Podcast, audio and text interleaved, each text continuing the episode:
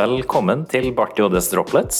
Eh, vanligvis er det her en podkast om alt av javascript, men i dag så er det altså en droplet-episode.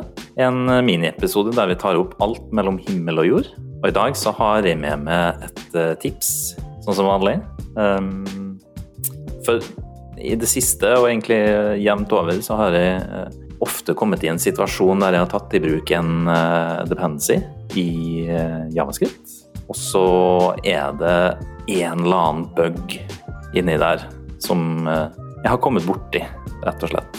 Eh, og da er på en måte Tidligere da, så har den barrieren for å skulle uh, få fiksa den bugen for mitt repo, altså mine kollegaer og meg sjøl på det samme prosjektet, vært litt for høy. Så da har jeg kanskje endt opp med å droppe den dependensyen til fordel for noe annet. Men uh, i det siste så har jeg brukt uh, Jarn 2, og de har et uh, Ja, de kaller det vel en protokoll som heter patch, og den syns jeg er verdt å snakke litt grann om. Jeg nevnte så vidt Christian Alfoni for tre-fire-fem episoder siden. Men det går basically ut på at du, at du kan applye din egen diff eh, direkte i, eh, i, pakken du laster ned. da. Så istedenfor at du må forke repoet og gjøre dine endringer og pushe de endringene et sted, og så må du eh, prøve å få den dependencyen der inn i din package JSON-fil i det prosjektet du har tenkt å bruke eh, pakken i, så kan du nå bare Eh, få lagd en diff, eh, og så kan du bruke denne patch-protokollen til å applye den diffen på den pakka som er på NPM, da, altså originalpakka.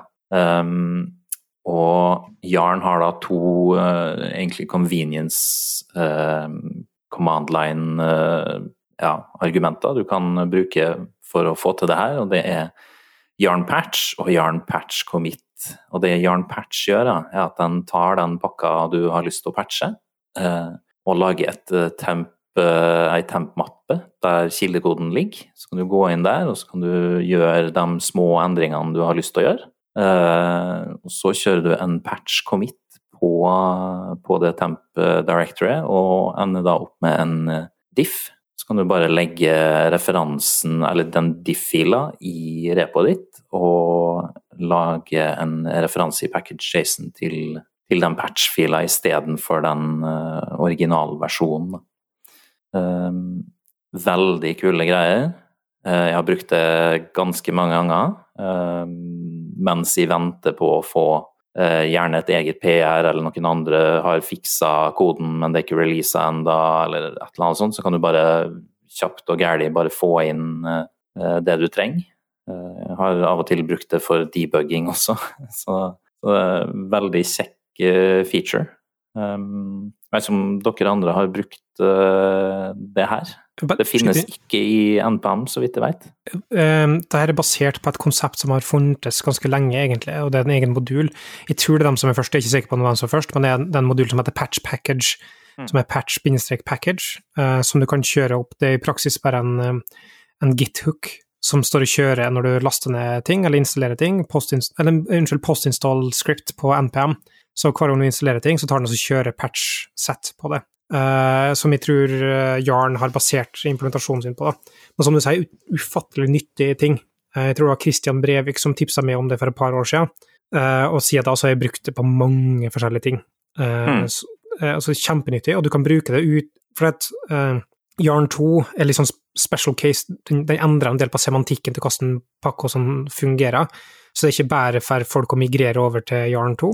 Um, det er ikke bestandig det fungerer uh, sømløst uh, i prosjektet, men da kan du fortsatt bruke patch package, da, uh, som er en egen modul, og det funker uansett om du bruker NPM eller Yarn mm. pre 2. Mm. kjempetips. Ja, jeg har forresten hvis du setter Yarn 2 i eh, Du kan endre node-linkeren der til å være lik node modules, istedenfor å gå for den, eh, den defaulten som er ah, Hva heter det igjen? Um, står det jo helt stille. Uh, plug and play. Ja. Plug and play er den default-modellen som da endrer helt på hvor han lagrer egentlig pakkene hen. De ligger ikke i Node Modules lenger, men ligger i zip-filer.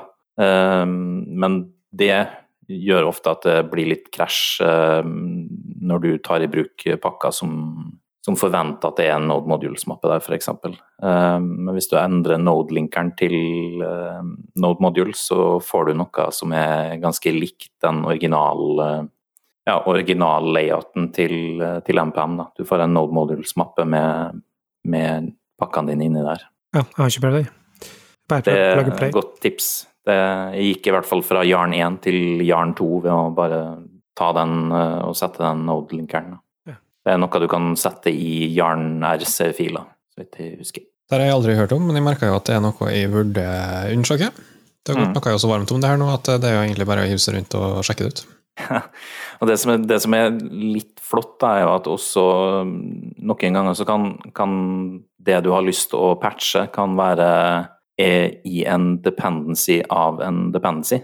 Uh, og det kan du fint få til i Yarn ved å da kombinere det patch-protokollen her med å bruke resolutions-feltet i package Jason. Da forcer du på en måte Yarn til å bruke den, den versjonen du sier av, av den uh, Ja, hva kaller du det når det er en dependency av en dependency?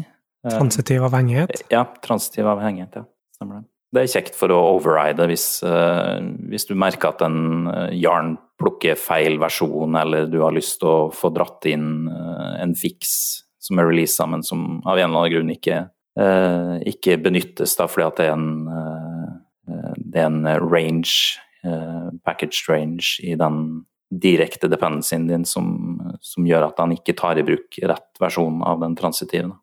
Det ble masse tips her, da. Ja, bra. Kjempebra, syns jeg.